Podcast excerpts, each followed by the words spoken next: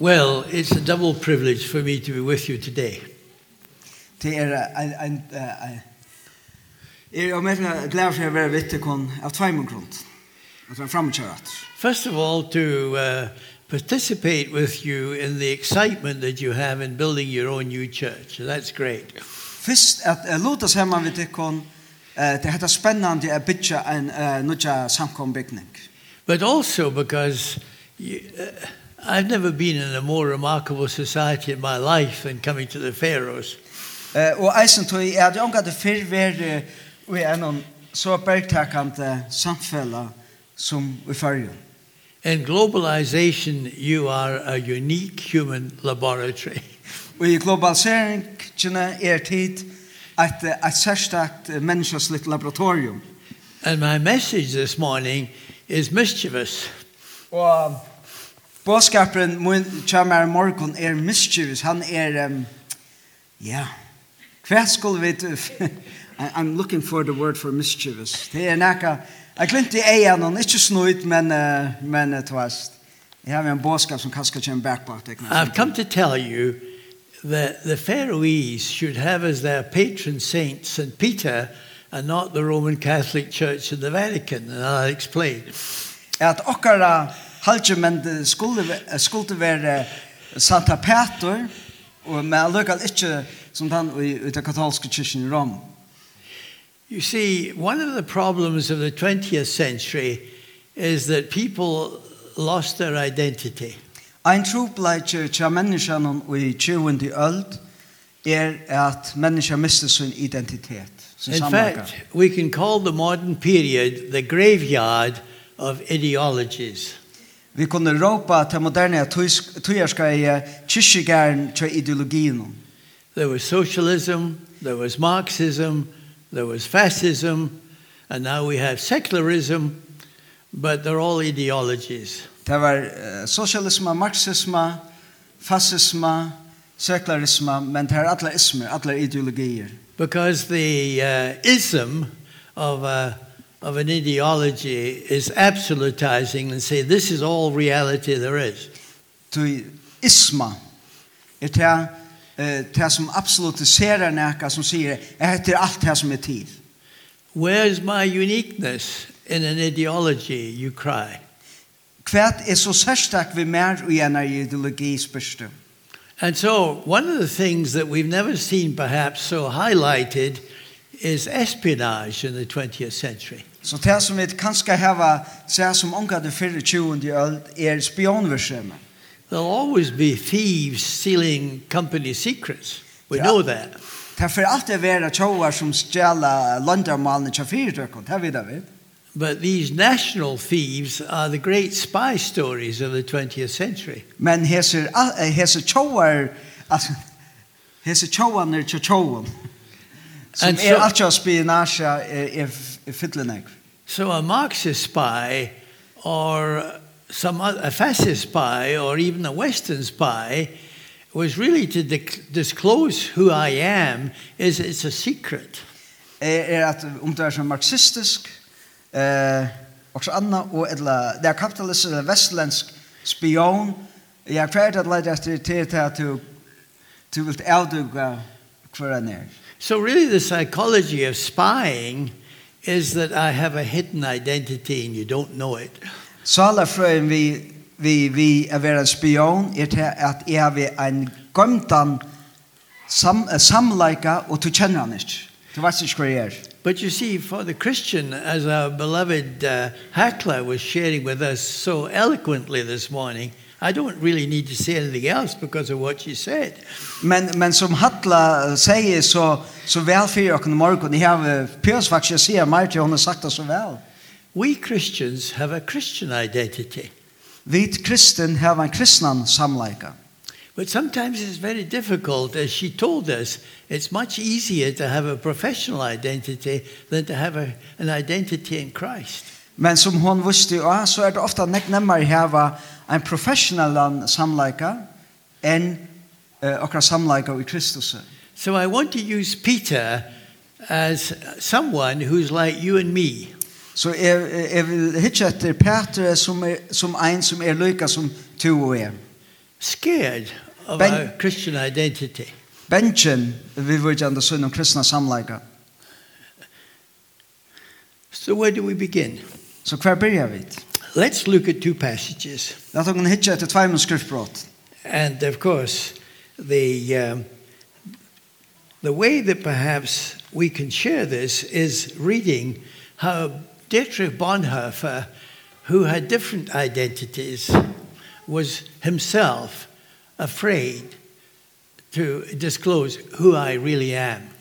Og vi kunne kanskje börja vi at hitje etter Dietrich Bonhoeffer, uh, som hei uh, imsa samleikar og kanskje er bensin for å vise hver han velja være. He was a liberal Lutheran. Han var liberal eh, lutheraner. And then he had a profound conversion in New York when he went to a black church and realized that they had a devotional love of Jesus that he had never witnessed before. Uh, men så kom han till uh, uh, världen i New York, en av tog här som han kom samband so now, med en. I'm, I'm, so just, now within... Just a second, I'm, I'm not finished yet. Han kom till en svarta kyrka Her, her som um, han hej ena ena djupa omvending til han sa tarra karlaga og i tarra andliga liv sammen med Jesus. Okay. And so now within his own family they didn't really know that he was now an evangelical Christian. Og så kjalt hans familie familj skilte at att nu var han blivit en evangelisk kristen. But then his relatives got caught up with a lot of other of the Prussian nobility and especially some of the generals to assassinate Hitler. So he had an identity as a spy, a conspirator as well. Så omfram tannsamleikan, så hei han jo eisene, han saman vi familjus kjenningon, og den preussiske familjen kom saman om er røyne at, at gjere av i Hitler, så nu hei jeg knapplega en annan samleika som en spion. And trying to assassinate Hitler was like trying to assassinate the devil. He always escaped. En røyna gjerri av i Hitler var som en røyna gjerri av i djevelen til han trodde alltid å snikva seg rundt han. Three or four times the plot failed.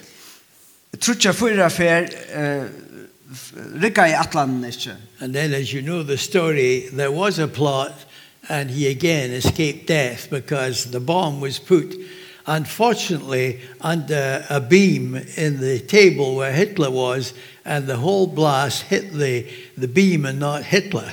Och så tar det ändliga etna så var taskan vid bomben satt där stä under borren någon som gjorde till att att att ta för sunter men Hitler klaras frusak. And so then he with uh, all the other conspirators were suddenly ruthlessly discovered and arrested and put in prison. Og ta det hent så så var bona för och hinner som hade råttat sig samman mot Hitler ta fonder och där kvar det var och det var sett i fängelse. And that's why we now read that when he's in prison he says what is my identity I really don't know. Og tog er det at båna for den kommer som vi får lese nå, er i fangsle og spyr seg selv hver er jeg, og han vet ikke hva hver. Så nå leser jeg. Hver er jeg? Det sier ofte at jeg kommer ut ur, ur cellene kommer, roljer, blaver, uh, bestemter, lykka som jeg var herren og i min egna slottet. Hvor er jeg? De sier meg ofte at jeg, jeg tås vi fenger hverandre eh, fruer eh, og vinnerliger og klost som tar hver er og i hei maktene. Hvor er jeg? De sier meg eisene at jeg, jeg gikk og gikk noen måneder tar for de er eh, og jaunva smulante eh, stolter som er at han og i vann. Men er i er vel at han som det som ånder sier med vera. Eller er i er best.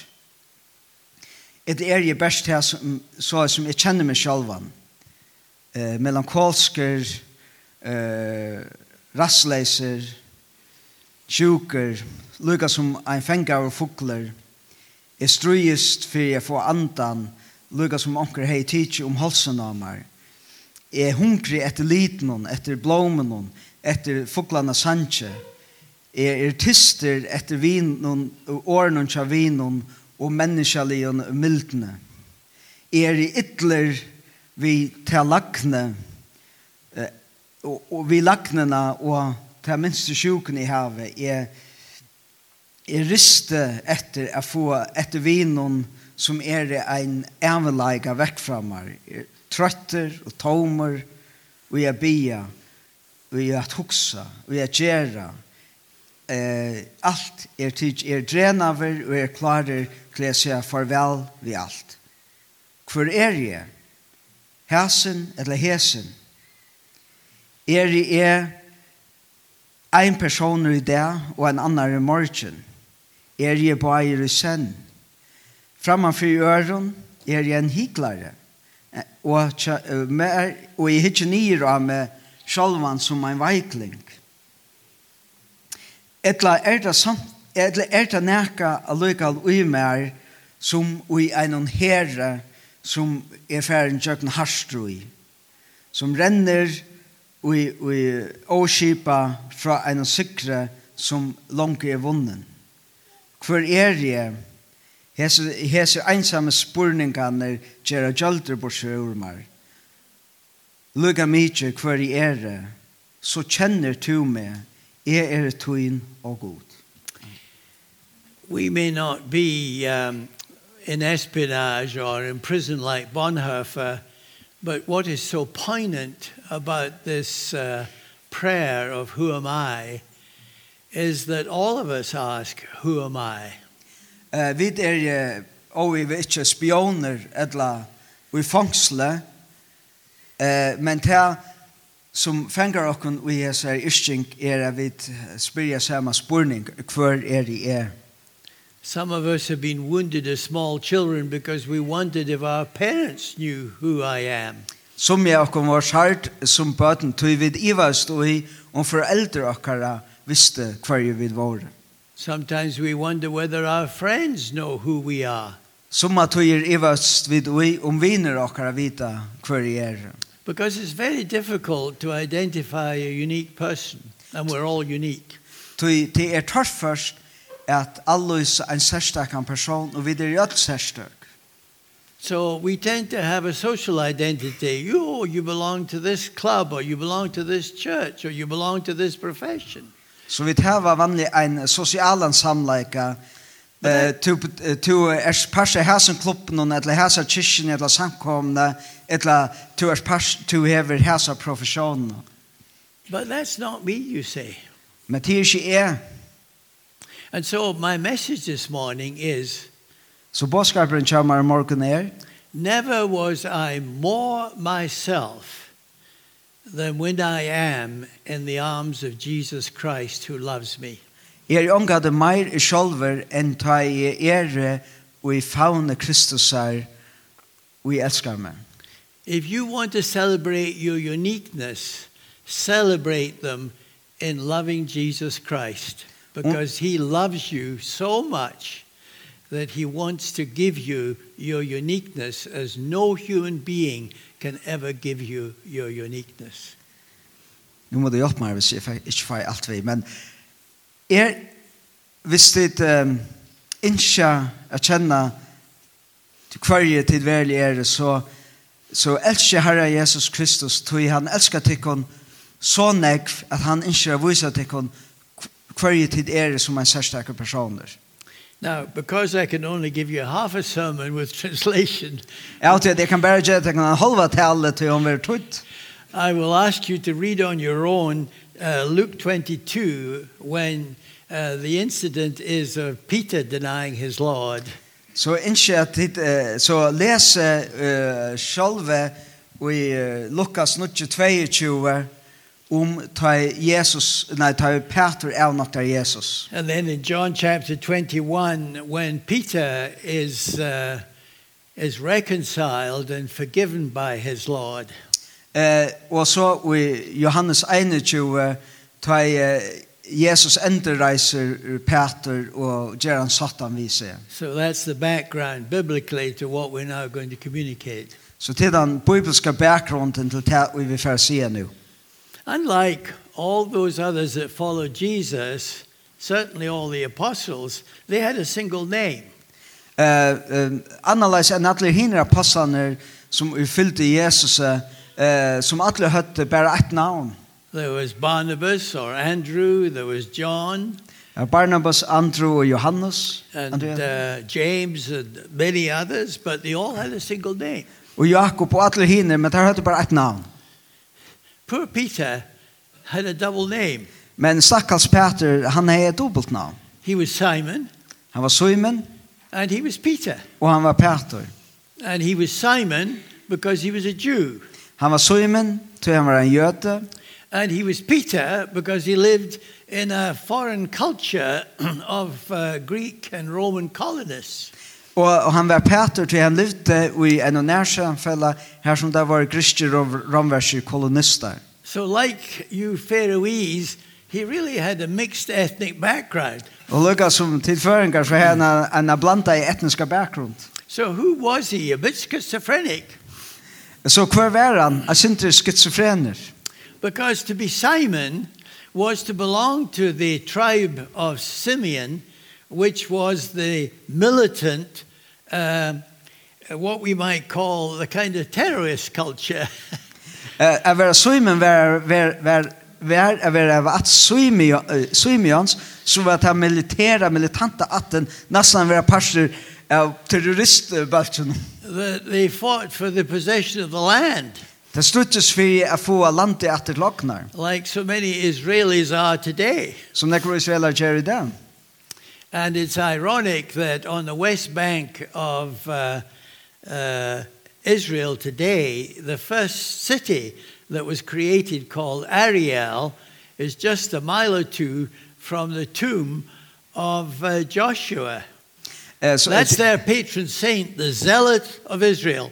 Eh och till Iranes av Västra Åbacka att han fäste bojen som bosatt männer gjort Ariel ligger helt stått fra grøvene til Josva, som er terra halgemenn, som er terra halgemenn. As a small boy, uh, you are a tough guy, Simeon. Så so, som man Simon. Så som man little drunker så er man tough hvis man er en Simon. But probably his nickname was not uh, associated with Simon but with Peter. Men uh, kjellnavnet til honom var og jeg var meira relateret til uh, ikke Simon, men heldig Peter. Which is really, you're a rock. You're a rock, Peter. Du er stein, steiner, uh, Peter. Well, uh, when you're small and diminutive, you're not a rock, you're a pebble. Men ta du er uh, er sluitel av vaks snakka det. Så er du en kletter, så er du en steinpirra, en ludelstein. And so possibly as a teenager, his nickname was Pebble. Så det var möjligt att uh, kälnamnet Sean han var en teenager var att han var en steinpirra. And of course the result was oh how can I stand up and be truly a rock so, when I'm so derided and teased. Så gosse kan jeg, eh så reiser mig og och välja vara en klätter til till Gerald Jalderbors ur mig som en steinpirra. It reminds me of a father, my father's story of uh, the church parade after, during the First World War in Britain. And they used to have all the denominations uh, falling out in rank as they, they had this church parade through the town. And they would come to the Anglicans. Anglicans fall out, which meant that they went off to the big Anglican church. And uh, yeah. this particular uh, soldier... Let me just finish the story. Okay, all right. I'll, I'll repeat it as best as I can. Uh, this particular soldier realized he was a Plymouth brother. And there went no other Plymouth brethren in the ranks. So he thought, I'll sneak off with the Baptists. så uh, Pabman sier fra när servant och kronor tar herrmänner i skrugånge för alla kyrkorna och så satt det där gänge jagen bojen Anglicans fall off så för alla anglikanerna in i sina kyrkor men här var så ein ein stakkal ur en bröder som kom och visste han var ensam atler så vad skal han göra så han bara han snutte seg bara vid baptisten He thought that the sergeant major wouldn't recognize him. Då jag vantade inte at at sergeanten för at lägga märke til han. Plymouth Rock I won't have you change your religion while I'm here. Så så han Plymouth Rock Du slipper ikke at, at brøyta uh, tøyna kyrkjeaffiliasjon med en, med en som du munnare. so that's Peter. He was very rocky about being a rock. so Peter han var og enskon ser er rocky er vera en kletter til, men en rocky til er vera skinklotter. well, what happens is that when we're teased as teenagers, by our contemporaries because of our fears. Men det som henter tar vi vi ger gjaldur på sjur tannaren kon på grund av okkar ötta. We develop compensatory emotions that suggest that we're just the opposite of what we're feeling inside but what we want to pretend to be on the outside. Det som henter er at vi vi seta nekra kjensler i stedet fire ut etter som vi vilja at andre skulle suttja og, og røyna menna til som stand i ansøkning vi til som vi velja kjenna inni i okken sjolven. So I'm trying to interpret for you Peter's behavior in the Gospels where he becomes so prominent and he's always up in the front, he's always impetuous, he's always leading, he was always doing things in public display. Uh, so if I røyna tolka sønna til Peter og og i evangelien utfrelsen her, his mævren som alltid var leieren og alltid var fuser og alltid sjåte til årene. Precisely because of his inner fear, he's the most prominent of all the disciples in the Gospels. Kanskje er det just uh, vekna sånne innare øtte at han ble ta mest prominente leiende lærersveiner. Now, we don't know this perhaps in our own emotions. But when we primarily deny the Lord as our Redeemer, it's when we act with our own compensatory emotions. Det er såles at vi ikke vi kjenne Herren som velger frelsere og i ødeløyvnen, så takker vi og setter noen kjensler i stedet. So we don't realize that by compensating for our own inadequacies, We're acting as our own redeemer. Og vi, vi skiljer ikke at da vi, vi røyner seta ære kjensler for det som vi ikke mekna, så gjøres vi okkara, røyna vi å være okkara ekne frelsare. And some of us more intimately were sharing that yesterday morning, so others can explain this further to you. Som jeg akkurat så til rundt om meg på året og gjør det just dette at vi lot av just hette er vi okkar innare kjensel og så vidt. Ja, og der kunne så prata vi okkar av okkar om maten og hva det snus jo. So now it comes to Jesus being arrested. Så nu kommer det her til at Jesus var sett i fengkhus. And Luke kindly tells us that there was one of them took up his sword and struck the high priest's servants here. Eh så får vi där vita i Lukas 22 att till en som reiser opp og høkker øyra av Malkos. But yeah. another of the Gospels tells us it was Peter who struck the servants here. Uh, men ett annat ett annat evangelium säger också någon at det var Peter som var han som högte öra av tjänaren. Now Peter is standing up as Simon as the as the Simeon uh, uh, fighter. Så nu er, her er det vi suttje at Peter reiser, stender opp og reiser opp og er svimen bare det med. Is he scared stiff while he's doing it? I'm sure he is. Er han fotlar av ötta att han gör det? Er visar jag att han? Oh, Jesus says, you don't understand who I am. Jesus sier, du skiler ikke hver jeg er. I'm the meek lamb of God that taketh away the sin of the world by my own death er i emjuka lamb gods som teker heimsens synder og asse og ideia munnen. It's almost as if Jesus in healing the the servants here that had been struck off was saying, "Oh Peter, you've been all this time with me and you never knew me." Det det som tar han Jesus gröjer Øyra tja tænaren at han sier vi igjen, «Å Peter, du er vimmar atla tøyna, og du er kjent med verden. His compensatory emotion has collapsed. Og ta er, ta er det at det er kjenslen, kompenseringen som Peter gjør i Seterstein, at det er dette sånt. All the disciples were afraid now of the trial that was going to take place in Herod's uh, palace. Nu var det alla lärarsvännerna i bänkna fyra till rattar uh, gånger som för att vara og i slottenen tja And now it's not a soldier Pilatus. that is confronting Peter, it's a maidservant. Og nu er det, nu er det ikke en herremaver vi konfronterer Peter, men en tjenestejent. You're one of them, you're a Galilean. Du er en av dem, du er galileer.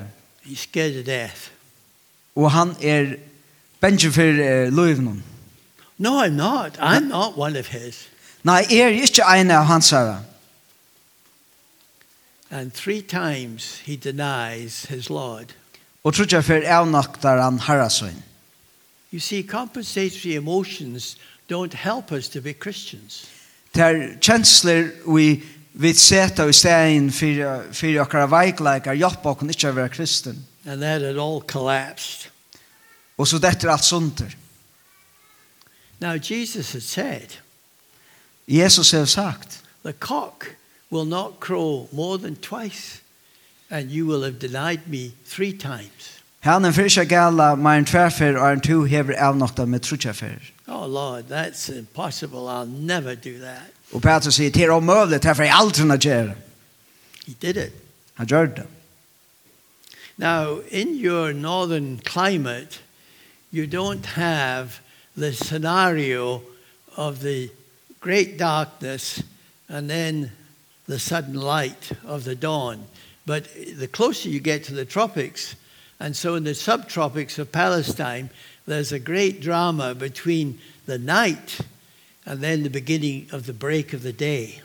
Vi ter i Vevland her norranfyrre, vi kjenner ikke så vel til til skjåte og knappe brøydingsna fra natt til morgon som man ser langer sjor man fer til brøydings fra mysker til jord. So it was well known in Palestine that it's the cock that crows between the night and the day. Så man skilte vel at det var henne og gal som var marske mittle natt og det. And that contrast is in the night we're acting with our compensatory emotions trying to pretend that we're all for Christ. Det er i nattene at uh, vi røyner spela vi Timon kjenslen som vi ser til stegen, vi er alt for Kristus. It's the darkness of being a sinner. Det er myskri av å være en syndare. But the light is the light of resurrection. Men ljøse er ljós uppreisnar. It's the light of being risen in Christ as a new creation. Det er å risen ved Kristus som er nødvendig skapninger. And so, at the end of the, uh, the first century, if you went to the catacombs of Rome where many of the early Christians are buried Så om i enden av første alt, hvis du forskjell i uh, her som nekvar nekvar den første kristne er gjerreie, you'll find that on the stone that hides the uh, skeleton, the, the burial tomb, that there's always inscribed a cock on the tomb. Så sørst du, og av grøvene til som kristne, at det som er sett av steinen er en hane. Archaeologists have discovered more than 125 cocks on different tombs. Uh, Arkeologer har funnet iver uh, 125 tullegar hanar og hesen gravstein. To symbolize what happened on that day of his death, but three days later, the resurrection of the risen Lord. Som er mynd av Hva hendte at han døye, men trodde de er sattne reisa. So they embraced the identity of knowing that they were witnessing both their total failure to acknowledge Jesus as their Lord, but the empowering of the risen Christ to enable them to now live a different life. Eh så det som det vittnar om at att er bäge tar tar er fall som de som ikke klarer å leve på livet, og men eisene er at de risen opp til et nytt liv i Kristus.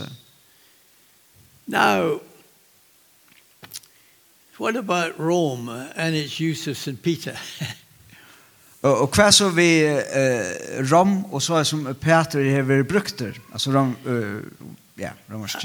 I was privileged to have as a colleague when I was at Oxford in my early teaching – uh, a professor called Ronald Syme, who was a great classical historian. And it did uh, the classic work that nobody's exceeded on the life of Cicero. Ronald Syme? Hmm? What was his name? Again? Ronald Syme. Yeah. Eh, jeg heter han fremmedkjær at undervist uh, i Oxford uh, tulja og i min uh, som undervisar uh, at uh, arbeta sammen ved Ronald Syme som er en klassister som har skrivet eh ena ena ävsövi om Cicero som ingen annan hej mäkna just. He was sympath he was sympathetic to Christian documents provided they were historical and not mythological. Och og han uh, brukte var sympatisk för kristna kjelten så langt som det var sjövlar inte mytologiska. And so one of his brilliant students did a su subsequent study of saying Where is the evidence that Peter ever went to Rome and there was crucified? Uh, så så en av hans här uh, nämningen för så att kanna eh kvärt kvärt kälte här vi som kunde visa att Peter välja för till Rom och var korsfäst där. He found no evidence. Han fann han fann några källor. That Peter was crucified upside down in Rome under Nero alongside or just about the same time as the apostle Paul Is that true? Eh er det sagt at Jesus at Peter ble krossfäster eh har hört någon i Rom om samme tid som Paulus ble krossfäster? There's no historical evidence. Det ongar det ongar sövliga källor som kan präkva det. So what happened to Peter? Så hva hendte vi Peter? Well, we read the Acts of the Apostles which is really inaccurate because it's not the Acts of the Apostles It's the act of the Holy Spirit's presence in the life of the church. Eh så läser vi om Peter i apostlasöner som är inte det bästa namnet till boken är välja eh närvaro andans och som ger vi vi till första samkomna i kyrkan. And sure enough Peter being forgiven though he the Lord says to him Do you love me? Do you love me? Do you love me? As if to say you have to totally reverse the denial, the denial, the denial by now affirming that you love me and you love me and you love me. Så Guds vi Peter, som, som Peter har sagt vi, älskar du mig, älskar du mig, älskar du mig. Lucka som för jag vänta venta det tror som Peter är just han er avnokta, avnokta, avnokta, Älskar du mig, älskar du mig, älskar du mig. This is more than a conversion which suggests the renewal of life. This is a metanoia. This is a new way of being, a new way of living, of having a new identity. Hetta er ikki bara sum ein ein small uh, omvending, hetta er metanoia, hetta er brøyting av den synden, hetta er blivit nýggir personar. And so in the drama of the events after Pentecost, when the Holy Spirit had emboldened them as they'd never been emboldened in their lives before så etter kvitesønne dramaen kvite sånne der hele anden kommer av deg og gjør dem dirve som unga deg før. Well, on one occasion there's 3,000, another occasion there are over 5,000. There are multitudes now coming to God because of the Holy Spirit. Så nu er det 3,000, 5,000 til store, til store fjölder som kommer til Herren vi, vi, vi, vi gjør kraft andans. The drama at the beginning of the Acts is that Three times over Peter stands up and he sure is bold. Og vi sutja ut den fyrsta kapitlen og i apostelsøvne er Peter etter trutja fer pratikar vi står under derbe. He truly is a new creation. Han er uh, sannlig en nødje skapninger. That rocky, uncertain, fearful little guy is totally changed. Hasen skinkelde lutle mæren er fullkomlig brøtt. And so it's remarkable what happened to Peter. Så det er utrolig hva hendte Peter. Now Jesus does say and we have it in the record of the of uh, John's gospel at the end. Uh, vi vi läser i ändan av Johannes evangelium här Jesus säger Peter when you mature when you get older uh, Peter try to uh, try to uh, bonast och just uh, äldre. Somebody's going to take you by the belt and lead you. Så tar onker til vi belten og leier dem. Well, it's interpreted in the in the sort of uh, whether it's scribal we don't know, but it's added indicating what death he would die. Eh, uh, och så vitt jag vart ju om till näka som kommer men at hetta skulle vise á hvordan skulle dodja. It's like saying indicating what kind of life the second half of his life is going to be now that he's in Christ. Eh vísa á kvat nú han sær sættna parsa han sær løyve fer å vera nú han er i Kristus. The first person to get hold of Peter's belt is an angel. Ta første som får og ur belten til Peter er en angel. He's lying in prison. Peter er i fangselen because of his public declarations these three times over. Ja, det han kunjers allmänt trutjeferer. And the community like you might be praying for Peter, they were praying and they never thought and this is what happens to many of our prayers. We're utterly amazed when God answers our prayers. Så så alla Christian boer for Peter og det händer som ofta händer er at vi er totalt överraskade i bönen være svære. They're praying for his release and when he comes among them they think he's a ghost. De de ber for at han skal være löster ur fångahaften og ta en gärda så halda de han är spørselse. And when the angel appears to him in the prison cell he thinks he's seeing double he's just dreaming about this this is not real this is surreal. Og tar Peter upplever angelen komme inn i fengehuset, så helter han at han drømmer. heter det ju. So now the angel says, buckle up, put on your shoes, you're yeah. going out of the prison. Uh, så säger han till vän, lät jag häftar rajmna, du försöker fanka oss. And he's released. Och han är löster.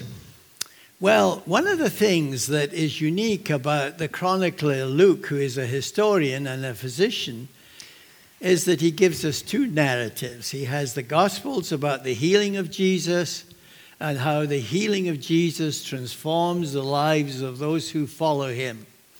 Um, Lukas hever givet okkur tversøver som lakne, og en av dem er, er om etter hvordan uh, Jesus grøyer og, og, og så leis uh, løsefalt, la fylkjøren. And now in the Acts, we have this extraordinary dynamic power Og så har vi i apostelsøvn hesa hesa særstak og store megina, kraftene. That totally transforms the identity and the lives of those who now trust Jesus. Som ger at det fullkomna brøyde samlegan til taimon som nu lyder av Kristus. So what happens to Peter? Så hva hender vi Peter? Well, all the signs, for example, when Jesus uh, is appearing uh, and when he's going to be reconciled with Peter, he's making a breakfast at the seashore. Så ta eh Herren Jesus viser seg for den nattna oppreisna eh så er det hett at han gjev dem morgenmat vi vi vi strandna her Jesus yeah. is creating a miracle about catching fish such as you've never seen in the history of the Pharaohs. Jesus ger at at under vi at få fisk som det vi ikke så lukan til Pharaoh. So come to my fish breakfast he says. Og Jesus sier kom til fiskamorgenmaten kjem. And it's in the context of fishing that now Peter is going to be called a fisher of men. Så det er i hesen samband her som vi, vi, vi, vi, vi samband med fisk at Peter får vite at han skal være en som er veier folk. Being a fisher of men made him a very scared kind of individual with all his bravado. Eh, ta uppleva en fisk, en veiemaur av mennesken gjør til han benkna i øtlensønnen bravado. But all the metaphors that are associated with the transformation of Peter are about fishing. Alla myndnar som er brukt til brøydingsna chapter er associerar við fisk. So when he goes to this Greek settlement of Caesarea that's outside the pale of Jewry and really is dealing with pagan uh, Romans. Så so, Peter fer til Caesarea Philippi som är utanför det jødiska samhället han är här han är samman vid Romvärjon. He has to have a mental paradigm shift.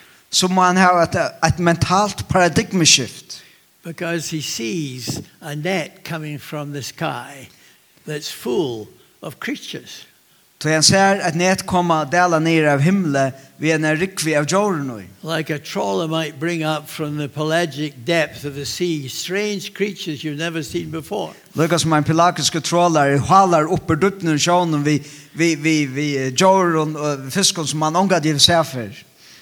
Peter, your Jewish prejudice has to be overcome as well. Eh ser vi en Peter till den judiska fördomar där måste där måste övervinna eisen. Don't call any human being unclean. Europa ikkje nærka menneska orant. Don't shut out the Gentiles from the, the gospel. Uti hus ikkje hattningnon fra evangelienon. Embrace everyone from uh, any part of the world. Fevn om öll lukka mig hver dei er i heimnon. Because I've come to save the world. Du er komna og bjerga heimen. Well, that was a big change for Peter. Det var en stor brøyting i løyvnen til Peter. But you know, it was in Caesarea where the Christians were first called Christians. Men det var i Caesarea at de kristne først var røpt kristen. They were those of the way, but they were following Jesus, and in following Jesus, they were following Jesus Christ. Not only the earthly Jesus, but the risen Christ from heaven. Eh så de første kristne var de som var ved noen, de var ved Jesus her, men de var ikke bare ved Jesus her som levde her og gjør, men eisene til himmelska oppreisende Kristus. And it was a century later, in the middle of the second century, when again it's from Caesarea that we get the word Christianity. Så er det atter at fra Caesarea eh, en av øl er vi få eh, heite kristendommer. What then happened to Peter? Hva hendte så vi Petre? If he didn't go to Rome. Om han ikke får til Rom. The evidence suggests, and archaeological evidence is digging up at the moment, uh, the, all the artifacts of, of um, Capernaum, which was the main fishing settlement, and it had the kind of uh, fishing plants like you have all around the Faroes here. Eh Cheltnar vi så i Capernaum. Ja, Capernaum, right? Capernaum. Ja. At i Capernaum her som man har gräva när upp och man ser att här häver vi en en stor fiskutna och lucka som det här förrjun. It was probably the most important Roman fishing settlement to feed all the troops that occupied Palestine. Det var oivat en et tøtning av mye ramversk sted til at fua eh alla tar herrmänner som var romersk herrmän som var i Palestina. And then of course alongside um Capernaum was his own birthplace which was Bethsaida another of these fishing villages like the other villages you have uh in the Pharaohs here. Så tatt vi her var så Bethsaida som var og i Peter var fra atter ein, ein uh, Fiskerbeckt. And the evidence suggests that Peter stayed fishing in the Sea of Galilee and also in fishing he also was fishing man. Det viser at Peter og Eva ble verande her, og han alt av fiska, veifisk og folk. So in God's mysterious purposes, the one who was most qualified to go into all the world and preach the gospel was told, stay at home. Så so, i Lundamalen evangeliumsens så er det at han som er mest kvalifiserad til å fære ut om heimen, han vil be om vi være heima. And the one who was most persecuting the, the early Christians, the Apostle Paul, was told to have the in ability and they and the popularity and the publicity of going into all the Roman world. Och han som förfyllde de kristne, var han som fikk heiren og ärna og ble kjent på över at han som får vi kristentrunne om Adlanheim. You can, you can either say, God, you're really so unfair, you're so unjust. Eh, eh, som han säger, God, du erst ikke fair, du erst så årattviser or you discover that in God's grace the first shall be last and the last shall be first. Etla du skiler i nøye godt så er det første, det siste og det siste det første. But the most significant thing is Men det mest tøtninga mikla er is that Peter was never more Peter. A Peter var onga de meira Peter, klakter. Yeah. Than he now is when he's following Jesus. En nu tar han fylgjer Jesus. And you can never be more yourself than when your whole life is in Christ Jesus. Og tu kanst heldur ikkje nekran du er meira tu sjolver etla sjolv enn tøyders ui Jesu Kristi. Lord, I don't understand what's been said this morning. It sounds too radical. Herre, jeg skiljer ikke det som er sagt i morgen, det tidses og radikalt. So come Holy Spirit. Så so kom Heilige Ande. Illuminate my heart eh, oppløs hjertet mitt. That I may accept the transformation you want to see in me. At jeg tar ikke måte til brøyting, til kolvelting, til innskyld i min liv. Amen. Amen. And thank you so much for helping.